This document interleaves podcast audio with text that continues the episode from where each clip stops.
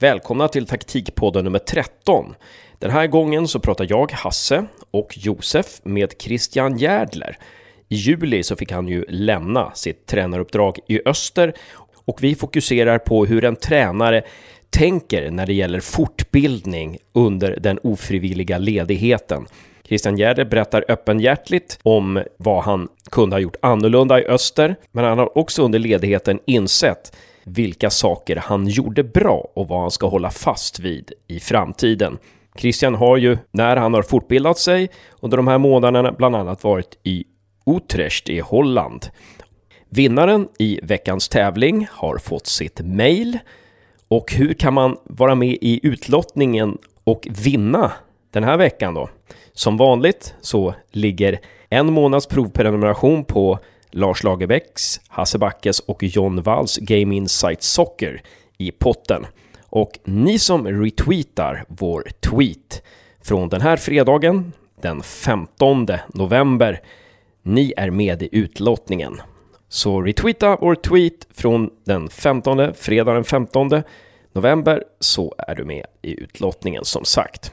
Ni vet väl att vi i Taktikpodden har startat en vlogg på Youtube där vi har kommit med nio avsnitt på svenska och fem på engelska hittills. Avsnitt nummer 10 skulle egentligen ha kommit nu på söndag, men i och med att vi håller på att bygga om vår studio så kommer det komma lite senare under veckan. Men prenumerera hörni på vår Youtube-kanal så missar ni ingenting. Ja, det var väl allt ni behöver veta. Nu är det dags för Christian Gärdler.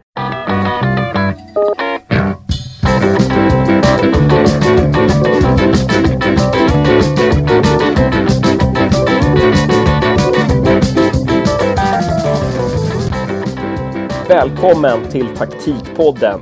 Ett stort varmt välkommen till Christian Gärdler. Ja, tack så mycket och tack för att jag får lov att vara med.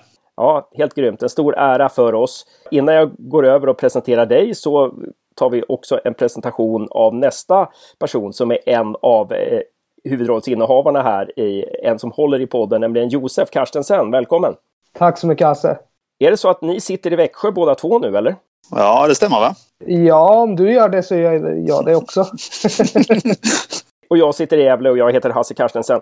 Men eh, Christian, du har ju en, har en lång karriär som spelare. Du, du spelade ju i, i Helsingborg och eh, Malmö och Halmstad och eh, några eh, landskamper också, U21-landskamper. Och så var det proffs ett tag också i Turkiet eh, innan du blev tränare och eh, där du har varit aktiv i Ängelholm, Värnamo och Öster. Eh, är det någonting du vill lägga till där när det gäller din bana? Eh, nej, det var nog så bra det, det kan bli. Jag tror du fick med allt. Det är väl någon, någon gammal match för Skånelaget som du inte hade med men annars så, så täckte du min karriär.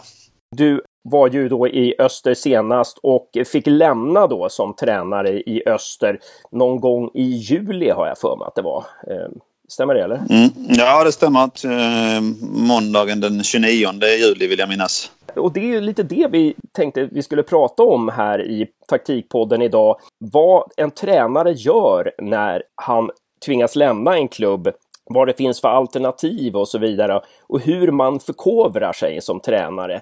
Det, det, är någonting som vi inte har pratat om i taktikpodden tidigare och eh, det vore lite spännande att, att komma in på. Ska vi ta och börja med eh, ja, det som hände då den 29 juli där eh, och det som ledde fram till din ledighet så att säga? Man ska egentligen tror jag för att få, få en, ska göra den väldigt kort historien, men för att en lite klarare bild så så gick vi ju till, till sommarfönstret eh, och till, till vilan mitt i säsongen med, med en väldigt svag vår. Där vi som, som klubb bestämde oss för att eh, jag skulle få, få satsa vidare men vi var tvungna att förstärka truppen så att jag fick lov att värva tre stycken spelare eh, under sommarfönstret. Vilka blev eh, James Keen som vi tog hem från som Sydafrika då. Det var Johan Persson som kom från Helsingborgs IF och det var Johannes Wall som vi lånade från IFK Norrköping. Eh, de tre kom in i truppen och vi trodde eh, och hoppades på att det skulle bli ett, ett lyft för, för gruppen. Eh, och eh, Innan de var på plats egentligen så hade höstsäsongen dragit igång så vi hade hunnit spela två, två matcher innan både James och Johan och eh, Johannes kunde debutera då. Det var mot, mot Norrby borta eh, som alla tre gick in och spelade från start eh, första gången den 28 juni. Eh, förmodligen så förväntade sig klubben att det skulle vara ett oerhört lyft direkt på dag ett. Eh, nu blev det inte så, vilket inte är så konstigt eh, när man inte har hunnit träna med laget. Men vi förlorade mot Norrby borta med 3-1. Eh, och eh, på, om det var på kvällen eller dagen efter det kan inte jag svara på men, men där under helgen så, så fattades ett beslut av, av styrelsen som jag då blev med eh, eh, ombedd att, eller inte ombedd, utan som jag fick reda på, på på måndag morgon då att jag skulle få, få lämna mitt, eh, mitt jobb som huvudtränare för Östers IF. Mm. Och du har ju varit i den här branschen länge. Du har ju du har varit en eh, elitspelare under lång tid och du har varit ett elittränare i ganska många år. Hur pass mycket finns det här i bakhuvudet när man är spelare och tränare att, ja, att man har ett kontrakt och att man kan få gå när som helst? Ja, som spelare är det ju inte så, så aktuellt för en själv utan det är mer att man eh, man som spelare ser, ser tränare man har som eh, kommer och går. Många gånger har man tyckt det var fel och, och någon gång har man tyckt det var, det var ett rätt eh, beslut av styrelsen. Men oftast, eh, oftast fel tror jag man de flesta spelare känner att man är ytterst delaktig i det som har hänt. Och, Eh, i, många fall tycker, tycker synd om sin tränare. Eh, och som tränare så, så, vet man ju att verkligheten är sådan. Så fungerar den här branschen så, så, så är verkligheten för oss. Och jag, jag tror att jag kunde, kunde komma över det här ganska, ganska snabbt för att eh, jag jag varit med så länge i, i det här och vet om att eh, ofta slutar det så. Eh, naturligtvis är det ju en stor besvikelse den dagen man får beskedet och man, man känner en, en stor skam. tror jag säkert de flesta skulle, eh, som varit med om detta hålla, hålla med om. Men jag, jag kom över det ganska snabbt och, och valde istället att, att fokusera på den, den möjligheten som man då ges att få, få ledig tid som man är, inte alls är bortskämd med som när man driver sitt lag utan att, utan att få, få en, en, eh, en tid för, för reflektion och för, för möjlighet att, att utveckla sig själv. Och, och, då kommer vi till det här den ofrivilliga Eh, vilan då, eller, eller ofrivilliga ledigheten då och, och att göra det bästa möjliga av det. Är det också någonting som du liksom som tränare förbereder dig på? Eller, eller när du började som tränare att du, att du liksom har omedvetet eller då och då funderar kring ja, om jag skulle få sparken så skulle jag göra det här. Eller är det, var det någonting som du ställdes inför liksom, svart på vitt när den dagen var inne så att säga?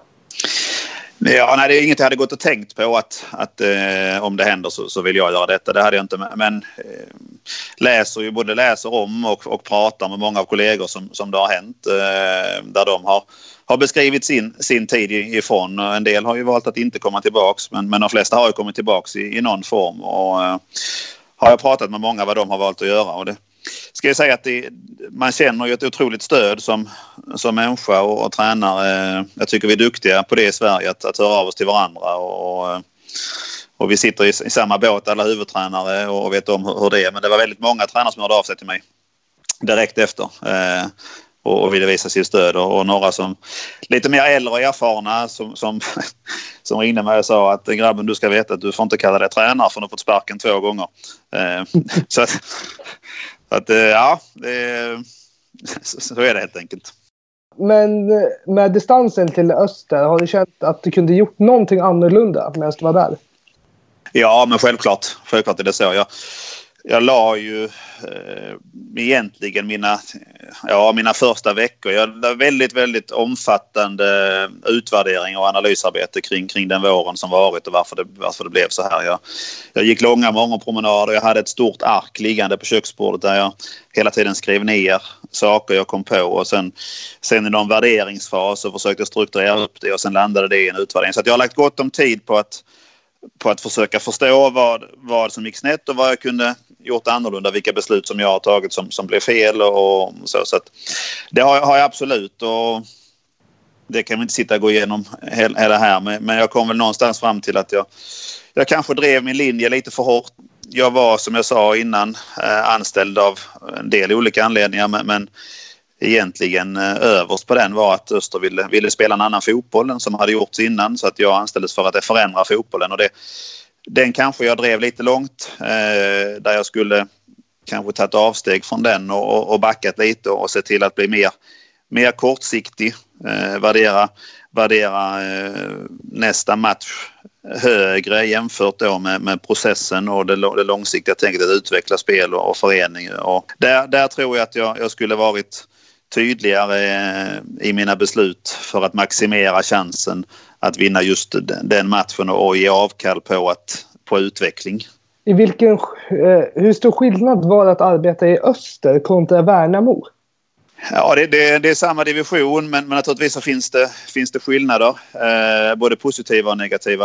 Eh, en stor skillnad är ju, är ju förväntningarna och storleken på förening. Eh, historien och kulturen i öster som, som är, eh, jag vill mena i många, i, i, många delar är ett ok mer än det gör, gör nytta. Att man har tagit SM-guld för länge sedan och man, man i stan förväntar sig eh, kanske ett, ett öster som, som ska vara var betydligt bättre än, än det är rimligt att vara just nu. Eh, sen är förutsättningarna med arena och tipshall omklädningsrum och så väldigt bra i Öster men, men i övrigt så, eh, så luras man lite där. Eh, det finns många klubbar i Superettan som har, har GPS-system till exempel. Där. Det finns inte i Öster. Det finns många klubbar som har, har måltider till sina spelare så det hade vi inte. Så att det, allting är inte, eh, är inte bättre där heller även om det är, det är en väldigt bra klubb och jobba i och trivdes oerhört bra.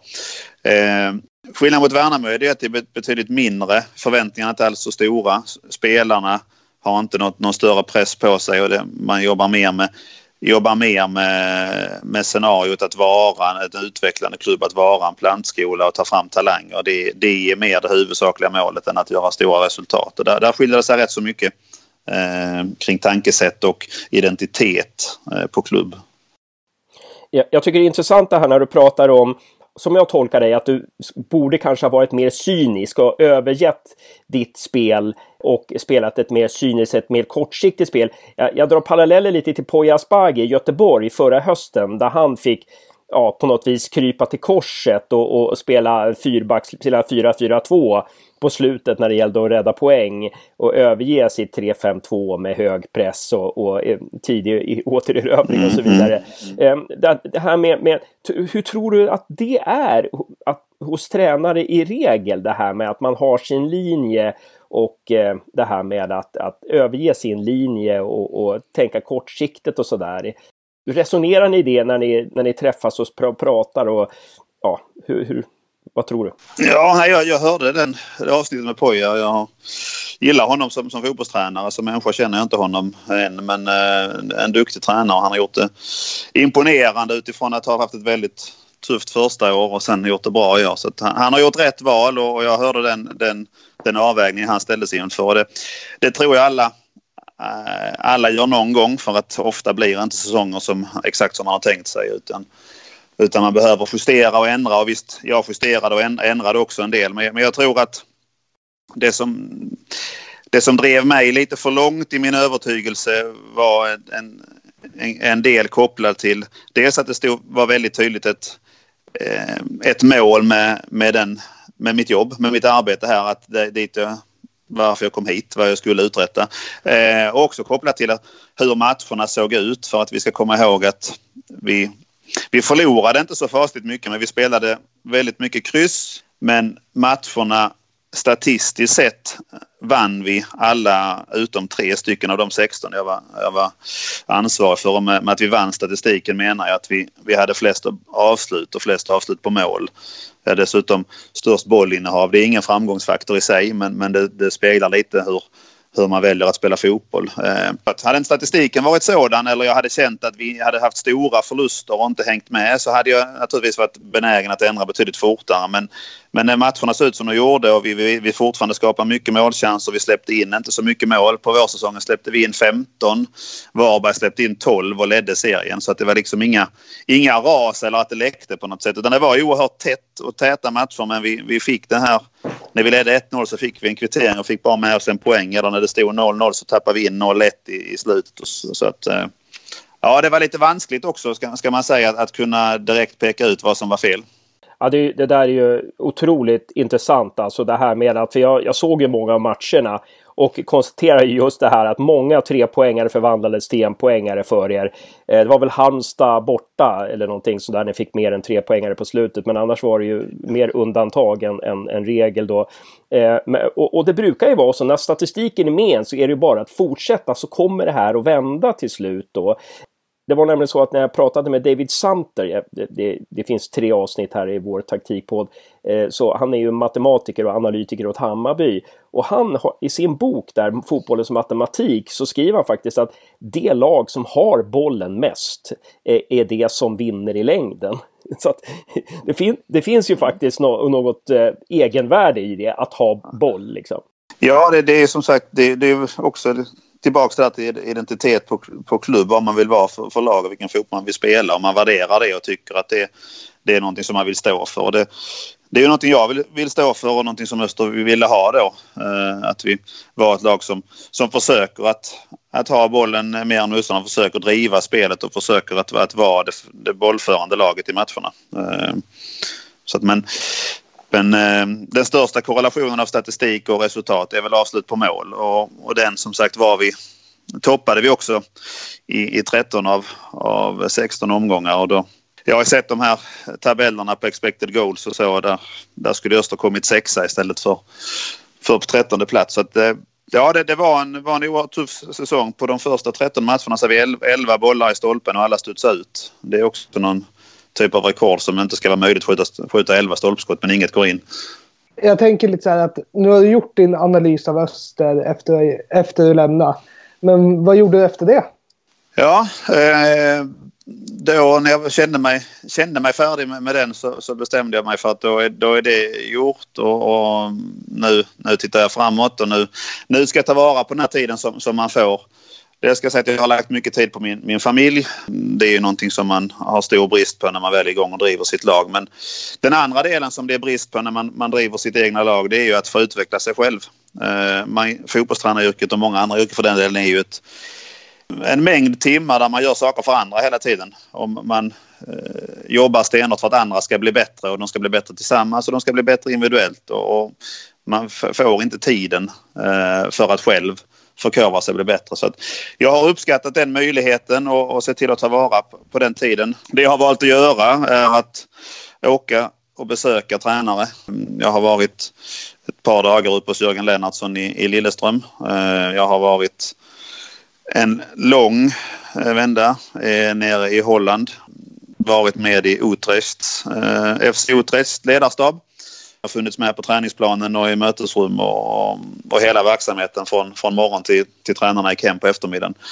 Eh, jag har varit uppe i Stockholm och förlängt min pro-licens och, och, tagit de externa utbildningarna som har gått där och jag har tagit chansen att och, och träffa många tränare och prata med många tränare så att jag, jag har måste ärligt säga att den här hösten har gett mig, gett mig väldigt mycket. Mycket inspiration, mycket lärdomar, mycket tankar som jag kan ta med mig hur, hur hur jag vill arbeta framåt. Eh, men även också mycket bekräftelse, för det är också en lärdom. Att få saker bekräftade, att få, få, få märka att det som jag redan gör är bra. och Det, det kan man fortsätta med. Så att, tacksam att jag fått den möjligheten. Jag tänker något specifikt du verkligen tagit med dig som eh, du har fastnat för?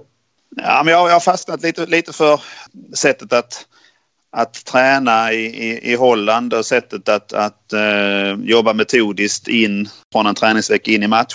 Eh, och sen så har jag eh, lärt mig oerhört mycket om hur man jobbar i ett, i ett större team med större resurser, större organisation som inte alls eh, påminner om det jag, det jag har jobbat i tidigare utan som naturligtvis är, är många steg upp på skalan med, med väldigt specifika roller och en stor stab som arbetar tillsammans. Så det har varit nyttigt att se hur, hur de sätter ihop sitt arbete tillsammans. Sen nämnde du också att du blev stärkt i att eh, du förstod att många av dina metoder var ganska bra. Eh, vad är det där du blev stärkt i? Vad var det du fick bekräftelse på? Ja, e-, egentligen på, eh, på, på fler, fler delar men mitt sätt att, att angripa en, en, en motståndare taktiskt i scoutingsyfte och analyssyfte menar jag där eh, hur man sen väljer att presentera det för spelarna. Nu hade de ju i, i Holland lite vassare teknik eh, och större möjligheter än, än, än vi har haft här hemma också. Men, men att mitt, mitt tankesätt gick ganska stick med hur, hur de, de jobbade och vad de valde att prioritera för sina spelare.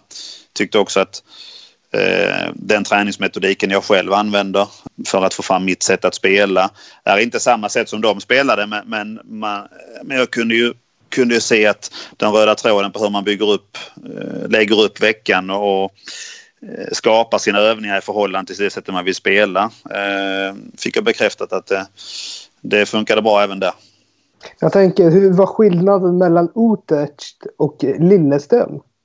Ja, jag tror att de, de flesta eh, inte tänker på Utrecht som något speciellt stort lag. Och jag valde den klubben eh, dels för att jag fick möjligheten men, men också för att jag ville inte åka till, något, till någon miljö som var alldeles för stor. Att åka till, till Bayern München eller Barcelona, det är, liksom, det är så långt ifrån det vi sysslar med så att jag tänkte att det, det skulle inte ge särskilt mycket. Men Utrecht är en stad på, på 400 000. Det enda som finns av, av nivå är ju, är ju fotbollslaget. Så att alla, alla möjliga resurser och allt intresse går ju dit. Så att, eh, en enorm skillnad. Tränarstaberna kring både A-lag och U23 är stora. Förutsättningarna vad det gäller teknik, analysverktyg, fysiska verktyg, träningsmöjligheter, antal planer, eh, kvalitet på planer och så vidare är, är, är otroligt bra. Så jag hade en följdfråga på det du sa innan. Mm. Det här med att du blev eh, ja, du blev, så, så, fick bekräftad att det här med hur man lägger upp en träningsvecka och så här i, i förhållande till eh, att man tränar så som man ska spela och så vidare. Det fick du bekräftelse på att där tänker du ganska rätt.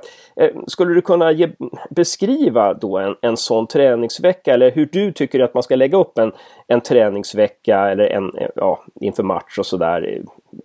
Eh, ja, så, så, så eh, på ett, ja, du behöver inte gå in i detalj men, men någonting som är viktigt i alla fall. Ja, för, först och främst ska man säga att jag hade rätt. Det vet jag inte för det finns otroligt många sätt att göra det på som, som alla blir, blir bra och gör att man vinner matcher. Men, men förhållandet då superettan eller holländska första divisionen i ett, i ett eh, övre halvan-lag där så fick jag ju känna att det, det jag gör hade, hade gått att göra här också. Sen om det är rätt eller inte, det, det får man ju argumentera för eller emot. Men, så det, den känslan hade jag. Periodiseringsmässigt när, när man väljer att ha olika belastning på träningarna eh, och vad man väljer att göra i dem. Kände jag att eh, där, var, där, var, där var det rätt. Eh, sen är det ingen magi de, de sysslar med utan de, de bygger upp dem på, på samma sätt med, eh, med återhämtningsfas men, med en högbelastande fas mitt i veckan där, där spelarna ska upp i, i, i höga, höga arbetsvärden och sen så tar man, tar man och förbereder sig för matchen och går ner lite i belastning och ökar det taktiska tänkandet och så. så att, eh, så tror jag de flesta, om inte alla, eh, jobbar. Så, så det var inget nytt utan det är väl mer vad man väljer att, att taktiskt trycka på. Vad man väljer hos motståndarna som vi faktiskt behöver förhålla oss till eller som vi faktiskt behöver, spelarna behöver veta om. Eller scoutar vi dem på, på ett sätt som vi måste veta allt eller scoutar vi dem på ett sätt som gör att eh, det här kommer påverka oss. Eh, det kan vara saker som de är bra på men det kommer inte påverka oss.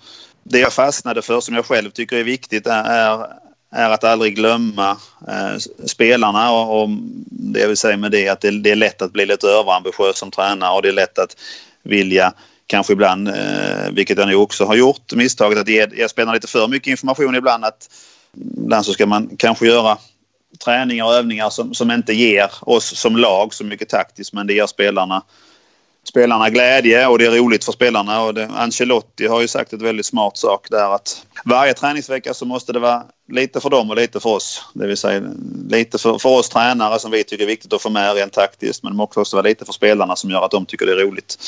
Det ska inte underskattas. Det, det måste vara roligt. Spelarna tränar så mycket och så ofta och ses så, så många timmar att de måste ha, ha kul. Och där, där tror jag väl den diskussionen kommer alltid upp och, och det pratas för och emot hela tiden men vilken, vilken eh, nytta eller försprång man har som tränare om man varit spelare på elitnivå eller spelare själv. Eh, där, där kan man argumentera både för och emot men i det här i den här lilla delen av, av tränarskapet så, så, tror jag att man har, har en fördel, det, det, vill säga att man har själv varit med och suttit i omklädningsrummet och, och, och varit ute på planen och då är det lättare att ha en känsla för, tror jag, när spelarna behöver det här. Att nu behöver det bara vara roligt och nu behöver vi lätta deras huvuden och inte ge dem mer. Eh, nu behöver vi kanske göra en träning som vi kan tycka på något sätt är bortkastad men, men som, som eh, får med sig mycket annat i andra änden. Så att...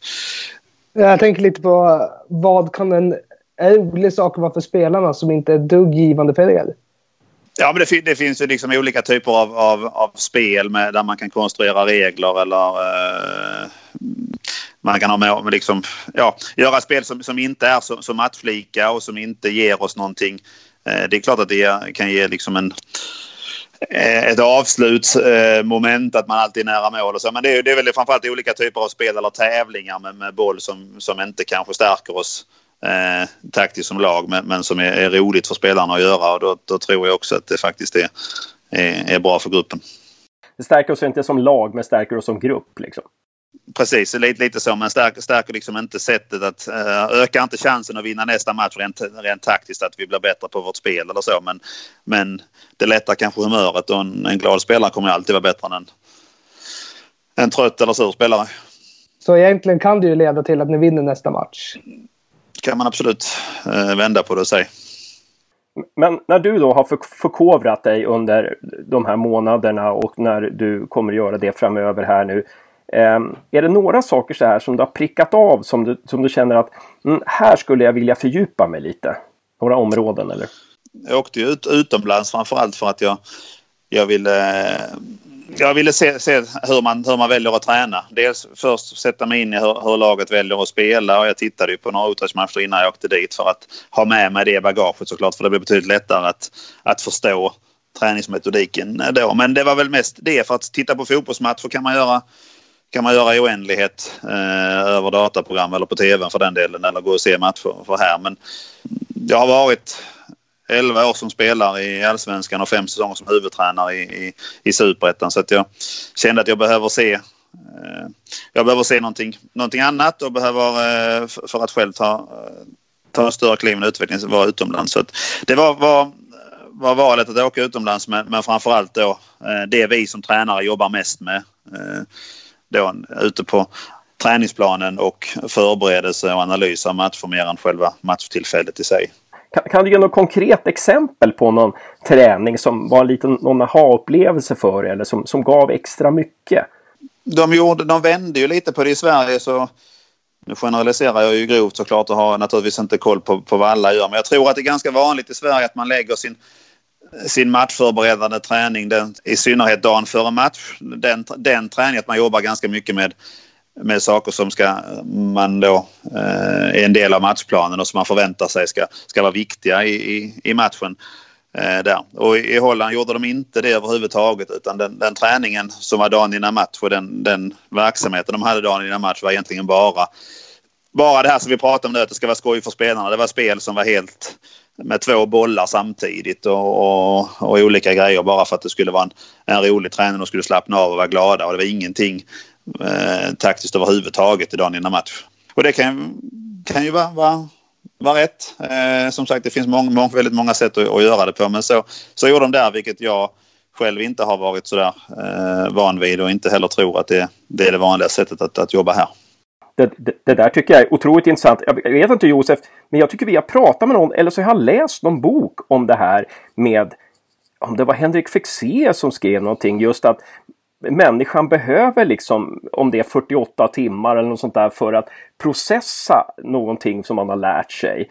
Eh, och det, det, det talar ju verkligen för det, att man ska inte gå igenom saker och ting eh, dagen före match. Liksom. Nej, jag tror, jag tror att det kan vara och på hur tätt man matchar såklart också vad man känner att man hinner med tidigare i veckan och när förra matchen spelas och man hunnit stänga den. Och så. Det är många faktorer att ta hänsyn till såklart om man har med resor och andra, andra grejer. Men om man har en normal vecka och man känner att man har, har tiden så tror jag inte att det är en, det är en dum idé uh, att jobba, jobba på det sättet. Alltså, det där är ju jäkla intressant alltså. Eh, Josef, någonting där? Något, något spår du vill komma in på? Vart vill du nu efter allt detta? Ja, jag är i dagsläget öppen, öppen för det mesta. Jag tycker ju både att det finns no någon typ av lockelse i att, i att som Jörgen jobba utomlands, eh, även om det är nära eh, i Norge eller Danmark eller Finland eller som han då i Norge. Att, eh, för, min egen, för min egen del att, att komma någonstans där man är lite nollställd. Som jag sa, jag har spelat otroligt mycket och länge i Sverige och varit tränare i Sverige ett par år nu. Att, eh, kan de här arenorna och jag kan, de, kan alla spelare i den här divisionen i stort sett. Det har varit eh, otroligt utvecklande och, och fortsatt lärorikt och, och, spännande att komma till, någon, till en liga där man, där man startar egentligen lite på noll och man behöver lära sig vad som är viktigt i det här landet och vad, vad, vad är, är drivande faktorer för att kunna ta poäng här och så. Det, det tror jag hade varit jättespännande att få göra. Eh, och annars så, så, så, vill jag jobba vidare med fotboll. Det finns ju många former att, att göra det men naturligtvis så, så finns det också en längtan att kliva ett hack. Ta mig upp på den nivån som jag befann mig som spelare. Och ingen prestige i att jag måste vara huvudtränare. Även om jag varit det nu i tre klubbar så skulle jag mycket väl kunna ingå in, i en stab. Men gärna liksom gärna kunna ta ett, eh, ett kliv i min, min egen på min egen trappa. Om det sen innebär att, att vara del av en stab eller vara huvudtränare, det har ingen större betydelse. Men det är väl de två delarna jag, jag känner hade varit mest inspirerande och roligast att få chansen att göra. Att antingen komma till något ställe där jag är helt, helt ny eller få, få chansen att, att gå upp. Om det då är en specialistroll i en stab eller en assisterande jobb eller huvudtränare igen för den delen. Men det är väl så jag, jag resonerar just idag. Skulle du hellre ta en fungerande klubb som ligger i topp av sin serie än en klubb som ligger i botten av sin serie och skriker efter eh, ja, en fungerande tränare och, och någonting nytt? Ja, det skulle jag. Det, skulle jag. Men det, det, är, en, det är en betydligt roligare vardag eh, i att vara i, i, där man vinner och där, där det finns framgång. Man kan ju, skulle man dela upp mitt, mitt år här i öster som jag, som jag anser är det kanske mest lärorika jag haft i min karriär så blir det väldigt tydligt där vi kan där jag hade ett kvartal, mitt första kvartal i år som där vi levde i en otrolig positiv känsla, en otrolig framgång och en, en, en, en väldigt väldig framtidstro efter den, den kuppen vi hade när vi slog ut Malmö och vi tog oss till kvartsfinal mot AIK. Och, och, och, den känslan man har då och den, den glädjen att gå till träning och den energi som spelarna kommer tillbaka med efter helgen har vunnit så den, den är ju otroligt otroligt inspirerande att vara i. Eh, och eftersom jag fick uppleva då raka motsatsen när man inte får resultat vecka ut och vecka in. När spelarna kommer på måndagen och, och efter tredje raka matchen utan att vinna så, så ska man dra upp dem igen och man ska dra upp sig själv och man ska starta om, och man ska sprida energi omkring sig. Och det, och det är inte så lätt. Eh, och det blir, det blir tungt när det går för, för lång tid. Så att jag skulle alla dagar i veckan välja att vara i en, i en miljö där det, där det stämmer. För att oavsett hur noggrann man vill vara eller oavsett hur, hur stor, liksom, eh, man vill hålla på sin linje och driva sitt spel och driva sin utveckling och behålla sin riktning så, så kommer du inte ifrån att det, det är viktigt för, för gruppen och det är viktigt för klubben. Det är viktigt för miljön att man, man vinner eh, matcherna. Det, så är det bara oavsett hur du spelar. För då slipper man göra brandkårsutryckningar och man kan, man kan följa sin linje och, eh, och så vidare. Och så vidare man slipper hålla på och bevisa. Ja, och det finns, en, det finns en energi gratis. Istället för att man hela tiden måste försöka dra upp sig själv för att finna den så, så kommer den av sig själv med, med en vinst. Och det blir, då, då blir ju också träningsveckan lättare och roligare och då positivare spelare och positiva människor om, omkring dig på, på ett annat sätt. Man blir snabbt ganska ensam när man, när man är inne i en negativ trend och den håller i sig. Eh, så att eh, det är alltid eh, lyxigt att få vara i, i framgångsrika miljöer. Och då är det ju extra lyckat att du kom till Taktikpodden idag. Det är en trevlig miljö. Tack så väldigt mycket Christian Järdler för att du tog dig tid. Ja, tack själva. Tack själva. Och tack Josef. Tack själva och tack Christian. Thank